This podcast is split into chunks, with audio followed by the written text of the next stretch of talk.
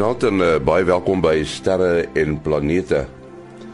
Ons span is gereed vanaand. Dit is professor Mati Hofman van die Universiteit van die Vrystaat en Willie Koorts van die SAAU. Ons sal ook luister na Kobus Olker se sonweervoorspelling. Maar voor dit ruimte nuus wat geskryf is deur Herman Torin daar in Bloemfontein.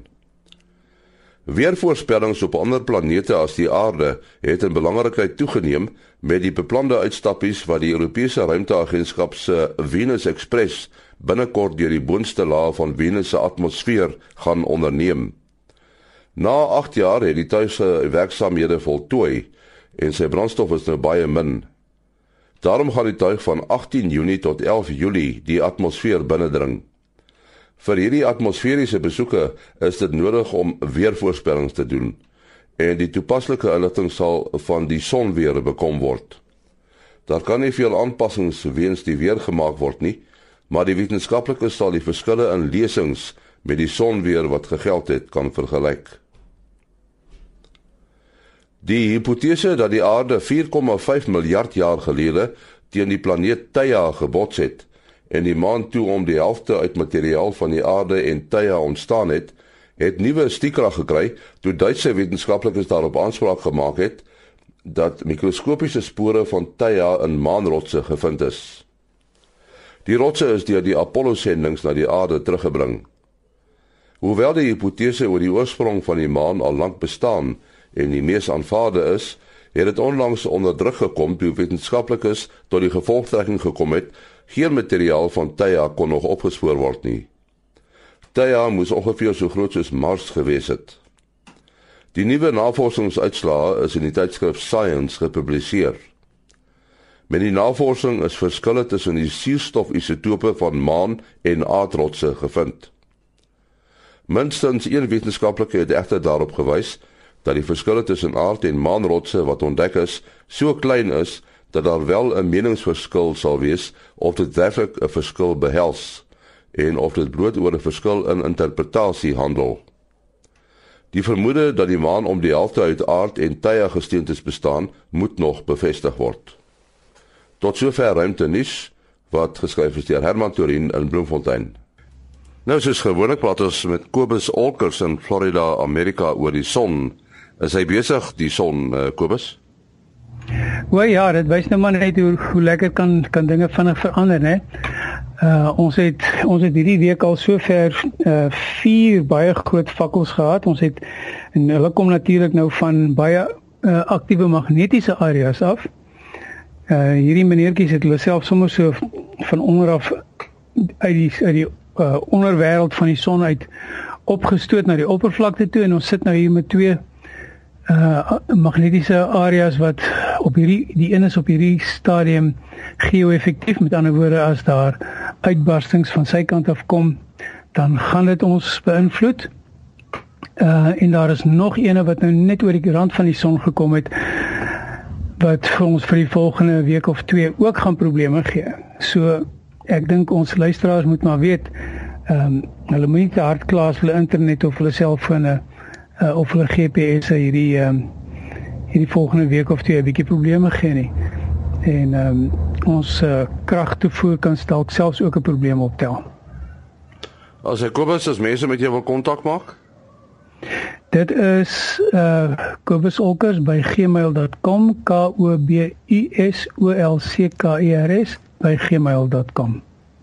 Ons sê dankie aan Kobus Olkers in Florida, Amerika wat waarskynlik 'n bietjie warmer is. En vanaand praat ons afsonderlik uh, met uh, Willie Koorts en met uh, professor Mati Hofman. Willie Koorts is eerste aan die beurt in uh, Sutherland nog. Ehm um, miskien het uh, van u gesien hy het 'n klein videoetjie op uh, Facebook geplaas om te wys dat dit nie uh, mooi weer is op Sutherland nie, maar die sneeu, die sneeu val nie, die sneeu val eintlik horisontaal. Uh dit was 'n sneeustorm nê, nee, Willie? Ja, ja, ongelooflik die eerste sneeu van die jaar en 3 dae later weer sneeu. Ehm um, so nee, lekker koud gekry hierso. Ja, wat jy sê is baie waar. Uh in Sutherland uh, jy kry nooit daai sprokies sneeu wat so afdawer uit die hemel uit nie. Dit is gaan gewoonlik gepaard met ongelooflike stormwind. Seker omdat ons nou maar hier bo op 'n berg is, kan jy maar amper sê, want ehm um, ek meen ons weet dat as dit gewoonlik sneeu in die Boland dan is daar 'n sterk noordwestewind of koufront wat inkom en uh, die wind waai in uh, die berge is toegetrek en dan net nou maak die berge oop en jy sien dit is mooi en dit is Dis eintlik hierso beleef ons om want ons is hier basies op die berg en uh, so tipies gedurende sneeustorm dan sal die wind hier in die omgewing van 75 km/h of so waai. En ehm um, en en dit was dan nou ook die geval gewees in die video wat ek wat ek opgesit het. Ek het dit eintlik met baie eenvoudig toerusting geneem. Ek het eintlik 'n beter videokamera by my gehad. Ek weet eintlik hoekom ek nie geneem het nie, maar hoe dit ook al sê, dit dit is gewoonlik gaan gaan gepaard met redelike storm en uh, met al twee die gevalle uh, wat die volgende oggend was dit mooi windstil en die wêreld is mooi spierwit en um, dan is dit net lekker om foto's te neem waarvan ek nou ook 'n klompie al op Facebook gesit het ja.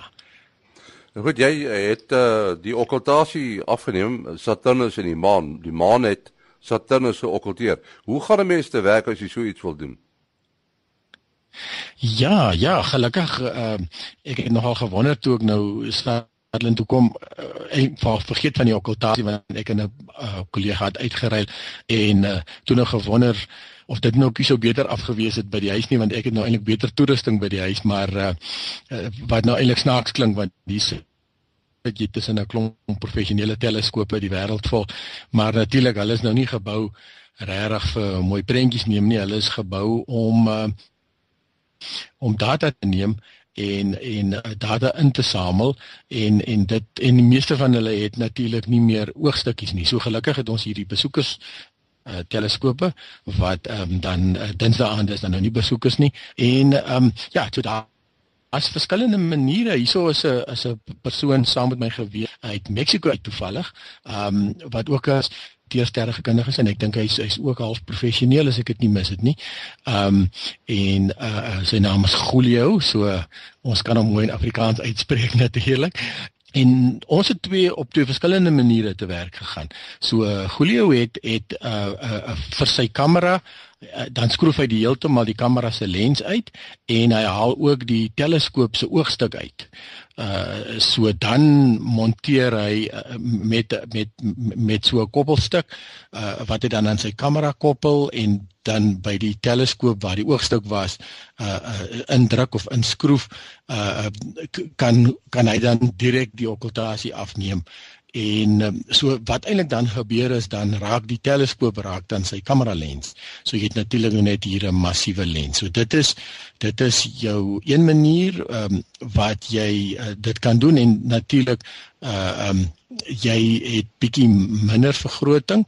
Uh want die manier wat ek gedoen het is ek het ehm um, net my videokamera hier gehad en uh um, en ek het my eie oogstuk saamgebring want ek weet ek het 'n oogstuk uh wat ons praat altyd van die eye relief. Nou die eye relief is maar basies net met verkykers kry jy dit ook dat uh sekere verkykers as jy byvoorbeeld 'n bril op het uh um, dan kan jy uh, die die oogstuk het so rubbers wat jy kan terugslaan en dan kan jy dit op met 'n bril gebruik. Nou ons weet as jy 'n gewone verkyker gebruik dan druk jy mos half reg binne in jou oog uh wanneer jy druk om hier teen jou oogkaste vas. So 'n bril neem die verkyker verder weg van jou oog af en dit gaan dan dieselfde geval wees met 'n oogstuk.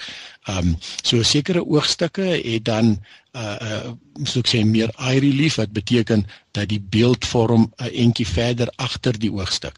En dit werk dan natuurlik baie lekker om dan sommer net die videokamera agter die oogstuk vas te hou, teen die oogstuk uh, vas te druk. So in my geval het ek dan die teleskoop met 'n oogstuk en die kamera natuurlik nou ook eens aan. So jy kan dit natuurlik doen met 'n 'n gewone kamera of jy kan dit doen met jou selfoon selfs. En uh, ons sit al baie as ons sterre partytjies hou, dan is dit vir die mense baie lekker om sommer uh, uh hulle selfoons selfone want die hierdie nuwe fone het wonderlike uh, uh eintlik prosesering. Ek ek dink nie is noodwendig so 'n goeie lens nie en so 'n goeie detektor nie. Okay, die det detektors het ook al is ook al baie megapixels, maar die ek dink die die kamera self het nogal heelwat uh prosesering ingebou sodat die beelde wat wil nou die handelsname noem nie maar jy weet van hierdie uh um, baie mooi um selfone wat ongelooflike foto's neem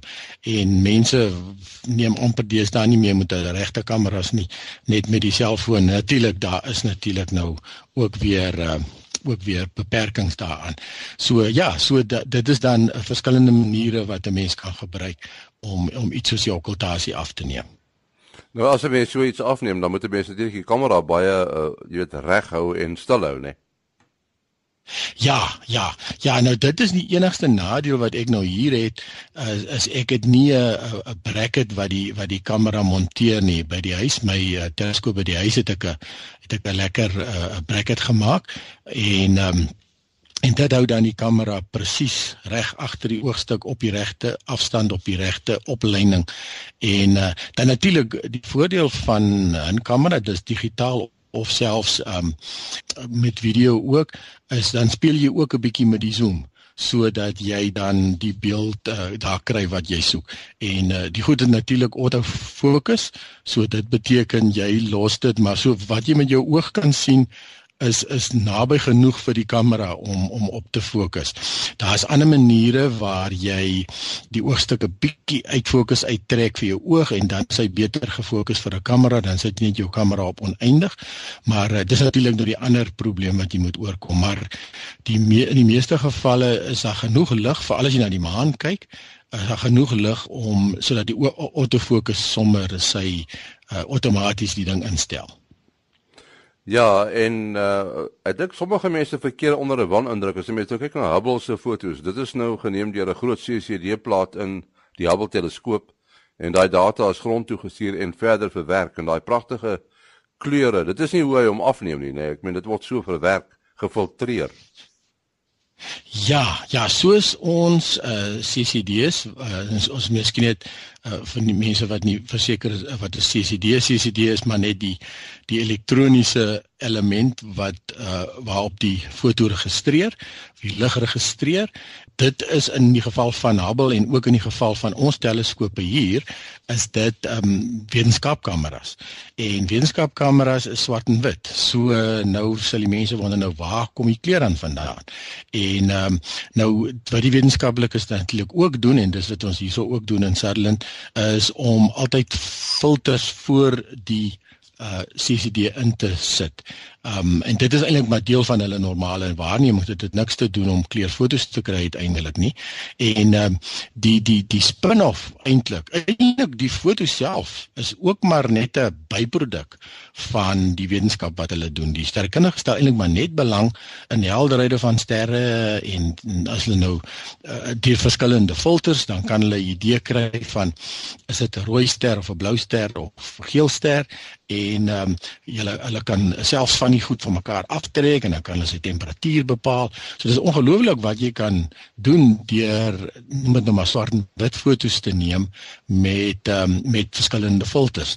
En uh, maar soos kyk die byproduk is dan natuurlik dat jy kan 'n prentjie maak en dan kan jy die prentjie rekonstrueer soos wat dit sou gelyk het as dit moet kleur gewees het. Nou as ons mooi daaraan dink, kleurfilm in die ou dae het was ook maar eintlik net swart en wit film met ehm um, verskillende reaksies vir verskillende kleure. So so selfs kleurfilm is noem dit nou maar 'n kombinasie van swart en wit uh gewoonlik rooi uh blou en groen as ek reg onthou wat wat dan uiteindelik 'n kombinasie van daai drie kan jy dan enige ander kleur opmaak. En dit is dan dieselfde hoe jy dan maklik 'n uh, 'n ware kleur want daar's ook natuurlik vals kleure waar ons al baie gepraat het, maar 'n ware kleur um, foto kan kry deur 'n swart en wit detektor met die verskillende kleurfilters in te sit. So iets soos die juwele kussie wat uh, eh, roppie sterre is wat wat verskillende kleure het. Kon jy dit al afneem dat 'n mens die verskillende kleure kan sien? Ja, ek moet sê ek het nou nog nie te vreeslik gespeel met astrofotografie nie. Ehm um, maar dit is natuurlik een een van jou teikens wat jy uh, dit regtig maklik gaan toets om te kyk ehm um, wat wat se kleure kan jy kan jy daar uitkry want soos jy sê die die sterretjies is duidelik verskillende kleure wat jy dan met jou blote oog sien dit is uh, dan heel heel moontlik deur dan die verskillende kleurfilters te gebruik. Um iets soos die huwelik is jy sal jy natuurlik nou met veral met deesdae se digitale kameras wat so ongelooflik um lig ligsensitief geraak het. Ek meen die, die goed wat die professionele sterrekundiges uh 10 jaar terug gebruik het is is vandag in die hande van enige mens. Eintlik die goed is al kommersieel beskikbaar. Die kameras se ligsensitiwiteit is net ongelooflik deesdae. So uh, um, as jy byvoorbeeld dan die juwelieke as jy sou afneem, dan um, dan sal jy kan jy sommer direk jou digitale kamera en um, dan ook ook omtrent soos ek gesê het, die een van die maklike maniere gaan dan wees soos uh, as jy dan so 'n koppelstuk kan kry tussen jou kamera en 'n teleskoop en um, jy kan dan jou die oogstuk en die lens afhaal en dan gaan dit eintlik die heel maklikste wees om iets soos die juwelieke af te neem. Ek jok nou ook as ek sê ek het dit nog nie gedoen nie. Ja, ek het darm al so 'n bietjie. En natuurlik die ander ding wat maklik is is om konstellasies af te neem. So as jy net jy nou nie 'n teleskoop het nie, kan jy net jou uh, kamera daar neersit op 'n driepoot en en jy kan konstellasies begin afneem. Nou uh, dan moet jy natuurlik net besop as jy nou te lank probeer belig, dan uh, kry jy van die aarde draai en die sterretjies begin maak streepies. So maar soos ek sê, die in vandag se kameras is ook so uh, um, so sensitief en dan natuurlik kan jy dit verder met sagte ware doen. So as jy dan 'n klomp kort beligtings neem sodat die sterre nie streepies trek nie en dan laai jy dit af op jou rekenaar en dan kry jy programme wat dit goed op mekaar stapel en uh, en dan kry jy ongelooflike duidelike en maklike fotos en uh, so ons rekenaars het eintlik ons donker kamers geword deesdae. Nou sê, jy ek dink ons moet afsluit jou besonderhede? Ja, mense kan my bel, SMS, WhatsApp 072 4579 208. 0724579208. Daar sê baie dankie Willie Koorts. Soos ek gesê het professor Mati Hofman van die uh Boden Sterrewag die digitale planetarium en uh die Universiteit van die Vrystaat is ook vanaand saam met ons. Ons het nou reeds met Willie Koorts gepraat en uh nou met uh Mati Hofman. Mati die elektromagnetiese spektrum Dit begin by die gamma strale. Uh, hoe lank is daai strale? Wat is die aard van hulle? Uh gamma strale is die hoogste energiestraling, maar hulle deur die kortste golflengte. As mens nou aan 'n golf dink, uh dan is daar twee, drie belangrike eienskappe: die spoed van die golf, die golflengte van die golf en die frekwensie van die golf. Nou die as ons by die elektromagnetiese spektrum kom, dan is uh spoed nie 'n groot veranderlike nie want die spoed van 'n vakuum het al die frekwensies en al die golflengtes elektromagnetiese golwe het dieselfde spoed. Dit is die spoed van lig en die konstantheid van die spoed van lig in vakuum is een van die kernaannames van die moderne fisika uh, en dit is 'n baie hoë spoed van 300 000 km per sekonde Nou as die spoed van lig en die spoed van elektromagnetiese seine nie so hoog was nie, dan sou die wêreld daar baie anders gelyk het en dan sou die elektronika ook baie anders gewerk het. Die rede hoekom ons uh so kan ry op die golf van die moderne elektronika, is omdat alles so geweldig vinnig gebeur. Dit dit gebeur soos mense kan sê teen die spoed van van lig. Uh so die spoed van lig is dan ook die spoed van elektromagnetiese golwe. Die interessante ding is, dit is die bestaan van elektromagnetiese golwe in die wyeer konteks wat baie wyeer gaan as dit wat ons met die oog kan sien. Uh dit kom uit die 1860s uit. Nou dis baie lank gelede. Maar al was die tegnologie en sy kinderskoene daai tyd, daar was nou al industrialisasie en so aan, maar al die ander moderne forme van tegnologie wat so die laaste eeu uh ontwikkel het, uh het nie bestaan nie, maar dit beteken nie die mense was primitief nie. In die fisika was daar baie gesofistikeerde teorieë en in die 1860s het 'n uh, teoretiese fisikus met die naam Maxwell het 'n baie baie elegante teorie opgebou wat al die verskynsels van die elektrisiteit en die magnetisme goed wat ons nou maar in die alledaagse lewe ervaar of dit nou elektriese strome is of dit nou vonke is wat spring uh statiese elektrisiteit uh en magnetisme.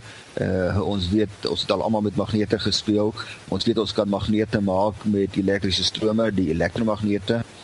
Uh hy het al daardie wette saamgevat in net vier wiskundige vergelykings en dit is nou nie wiskunde wat mens normaalweg op skool al sal doen nie. Dit is so eerste jaar, tweede jaar op universiteit se wiskunde.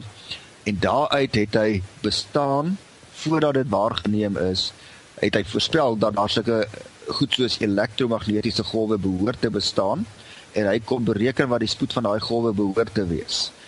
En uh eers omtrent 20 jaar later is die bestaan van daardie golwe bevestig, uh wel in die vorm van radiogolwe en dit het hulle gou on wel, hulle het gou ontdek dat die spoed wat hy voorspel het vir hierdie golwe en hy het glad nie besef op daai stadium dat dit uh, uh heel aanvanklik dat dit iets soos lig moet wees nie maar die feit dat die spoed van hierdie golwe dieselfde as die spoed van sigbare lig was het hulle uiteindelik tot die gevolgtrekking gekom dat lig is nou maar net 'n deel van daardie elektromagnetiese spektrum en nou wel as 'n mens nou wil vra wat die belang daarvan vir die sterrekunde dit is van alles oorheersende belang want die inligting wat mens oor 'n voorwerp kry is baie gedeeltelik as jy net aan een teer sal kyk. Dink nou maar aan 'n veelkleurige patroon uh wat vir jou of 'n kunswerk as jy nou deur 'n bril gaan kyk wat net 'n klein bietjie rooi lig deurlaat, dan gaan jy die hele storie gaan jy mis nê. Uh jy moet eers al die beskikbare inligting kombineer. En uh, nou wel uit uh, ons alledaagse ervaring kan ons seker nie veel verder dink as die kleure wat ons in die reënboog sien nie. Van rooi tot uh, tot uh, violet. Ehm um, maar ons weet daar's iets ultraviolet uh wat vir ons alle van alledaagse belang is weens die skade wat dit in ons sel kan aanrig, maar wel dit ook die voordeel dat dit daarom uh vir ons kan uh breinbrand of vir jou Vitamiene D kan help ehm uh, vervaardig uh, omdat jy daaraan blootgestel is. En dan jy die infrarooi lig wat hittestraling is dit is ook 'n alledaagse ervaring. Wat ons nou en dan natuurlik dan die radiogolwe omdat ons gebruik dit uh elke dag. As ons nou radio luister en ons gebruik dan ook mikrogolwe mikrogolwe se golflengte is in die orde van uh sentimeter na millimeter. Sigbare lig se golflengte is in die orde van 'n uh, uh, duisend miljoenste van 'n meter of 'n eh, kom sê duisend miljoenste uh soos 'n baie baie klein breekdeel van 'n millimeter. So sigbare lig se golflengte is baie kort. En as die golflengte baie kort is, dan is die frekwensie is weer baie hoog, honderde miljoene miljoene maal oscillasies per sekonde. Nou waar is klankgolwe? Ja, ja, klankgolwe is heeltemal 'n ander soort golf. So kom ons kyk nou 'n klankgolf se frekwensie, die klankgolwe wat ons kan hoor is in die orde van 'n paar honderd hertz, so 'n paar honderd oscillasies per sekonde. Ehm so 500 oscillasies per sekonde.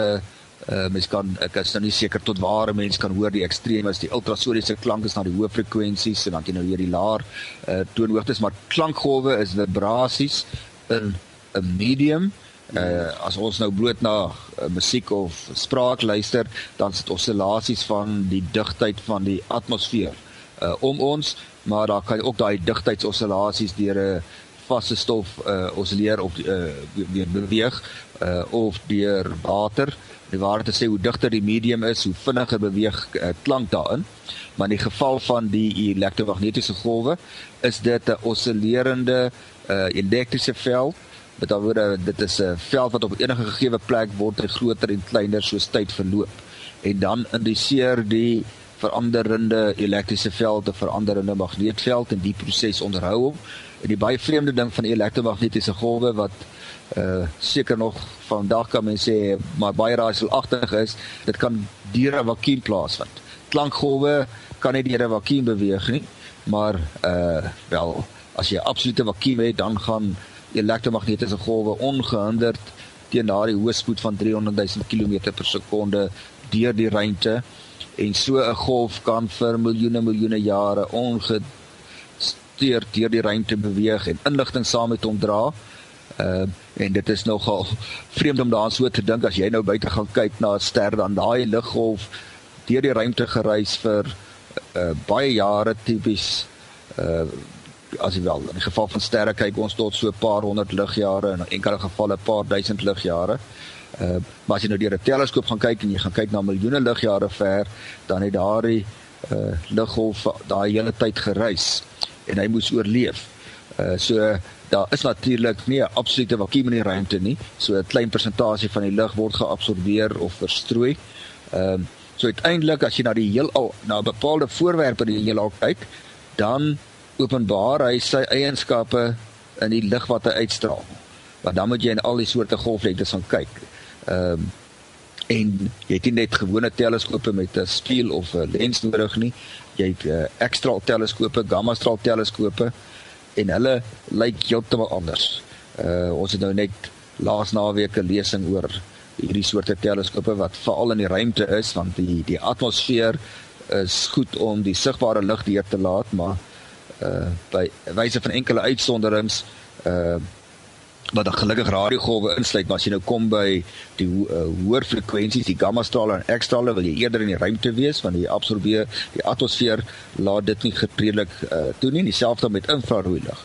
Daarom kry jy ruimteteleskope soos die Spitzer infrarooi teleskoop en jy kry die Fermi gamma straal teleskoop en dan die verskeie X straal teleskope en dit is ongelooflik as jy nou na een voorwerp gaan kyk uh in die verskillende golflengtes dan lyk dit nie noodwendig na dieselfde voorwerp. Jy kan kos vat nou maar die voorbeeld van 'n uh, iets soos die krapnevel. En die mense wat nou graag wil gaan Google kan gaan kyk na die krapnevel Crab Nebula uh multi-wavelength. Dan sal hulle sien uh elke golfing dit vertel 'n ander storie. En dit is eers as jy in die ekstrale kyk dat jy kan sien daar waar die pulsar in die krapnevel is uh wat eintlik verantwoordelik is vir die res van hierdie struktuur wat dan 'n 'n uh, 'n groter wordende uh gasnevel is en dit kom van 'n ster wat ontplof het en wat oorgebly het en die ontploffing is 'n neutronster wat baie baie vinnig roteer en dan 'n basiese pulsar word. En die die pulsar ontdek jy in die vorm van die radiogolwe wat uitstraal maar in die vorm van 'n soeklig. Dit werk soos 'n soeklig. So jy sien dit nie aan mekaar nie. Die ding draai en elke keer as jy die regte oriëntasie het dan sweep daardie bundel radiogolwe oor jou. So dis nou maar een voorbeeld as jy net 'n sigbare lig gekyk het, sou jy net hierdie mooi gasnevel gesien het, uh mooi blou in die middelste deel en dan rooi rig en geel in die buitenste deel, maar jy sou nie 'n idee gehad het van wat is die oorsprong van van hierdie struktuur nie. En dit gaan sien jy dan nou baie mooi uh in die ekstrale wat vir jou wys daar waar daardie pulsar sit, het hy bepaalde sulke spuite wat hy maak die feit dat daar 'n vinnig roterende struktuur is, dit kom jy net in die radiogolwe weer agter. Nou ja, Mati, dit was nou letterlik 'n mond vol. Uh, ons kan daarom sê dat ons 'n stukkie van hierdie elektromagnetiese spektrum gebruik in die vorm van radiogolwe in die program. Mati, jou besonderhede. Uh, nee nee, selfoonnommer 083 625 7154 0836257154. Die mense kan my daar op, maar op uh, WhatsApp ook soek. Dit werk nogal lekker as mense vinnig gevra het om vinnig te kan antwoord. Partykeer sien die mense iets naby naby die maan soos ons die afgelope week vir Saturnus gesien het en dan wil hulle weet maar wat sit so naby die maan of wat ook al. Dat is sommer maklik en vinnig om te kan antwoord daarop. Goed en uh, my besonderhede maas.henny@gmail.com maas.henny@gmail.com. Tot 'n volgende keer. Mooi loop.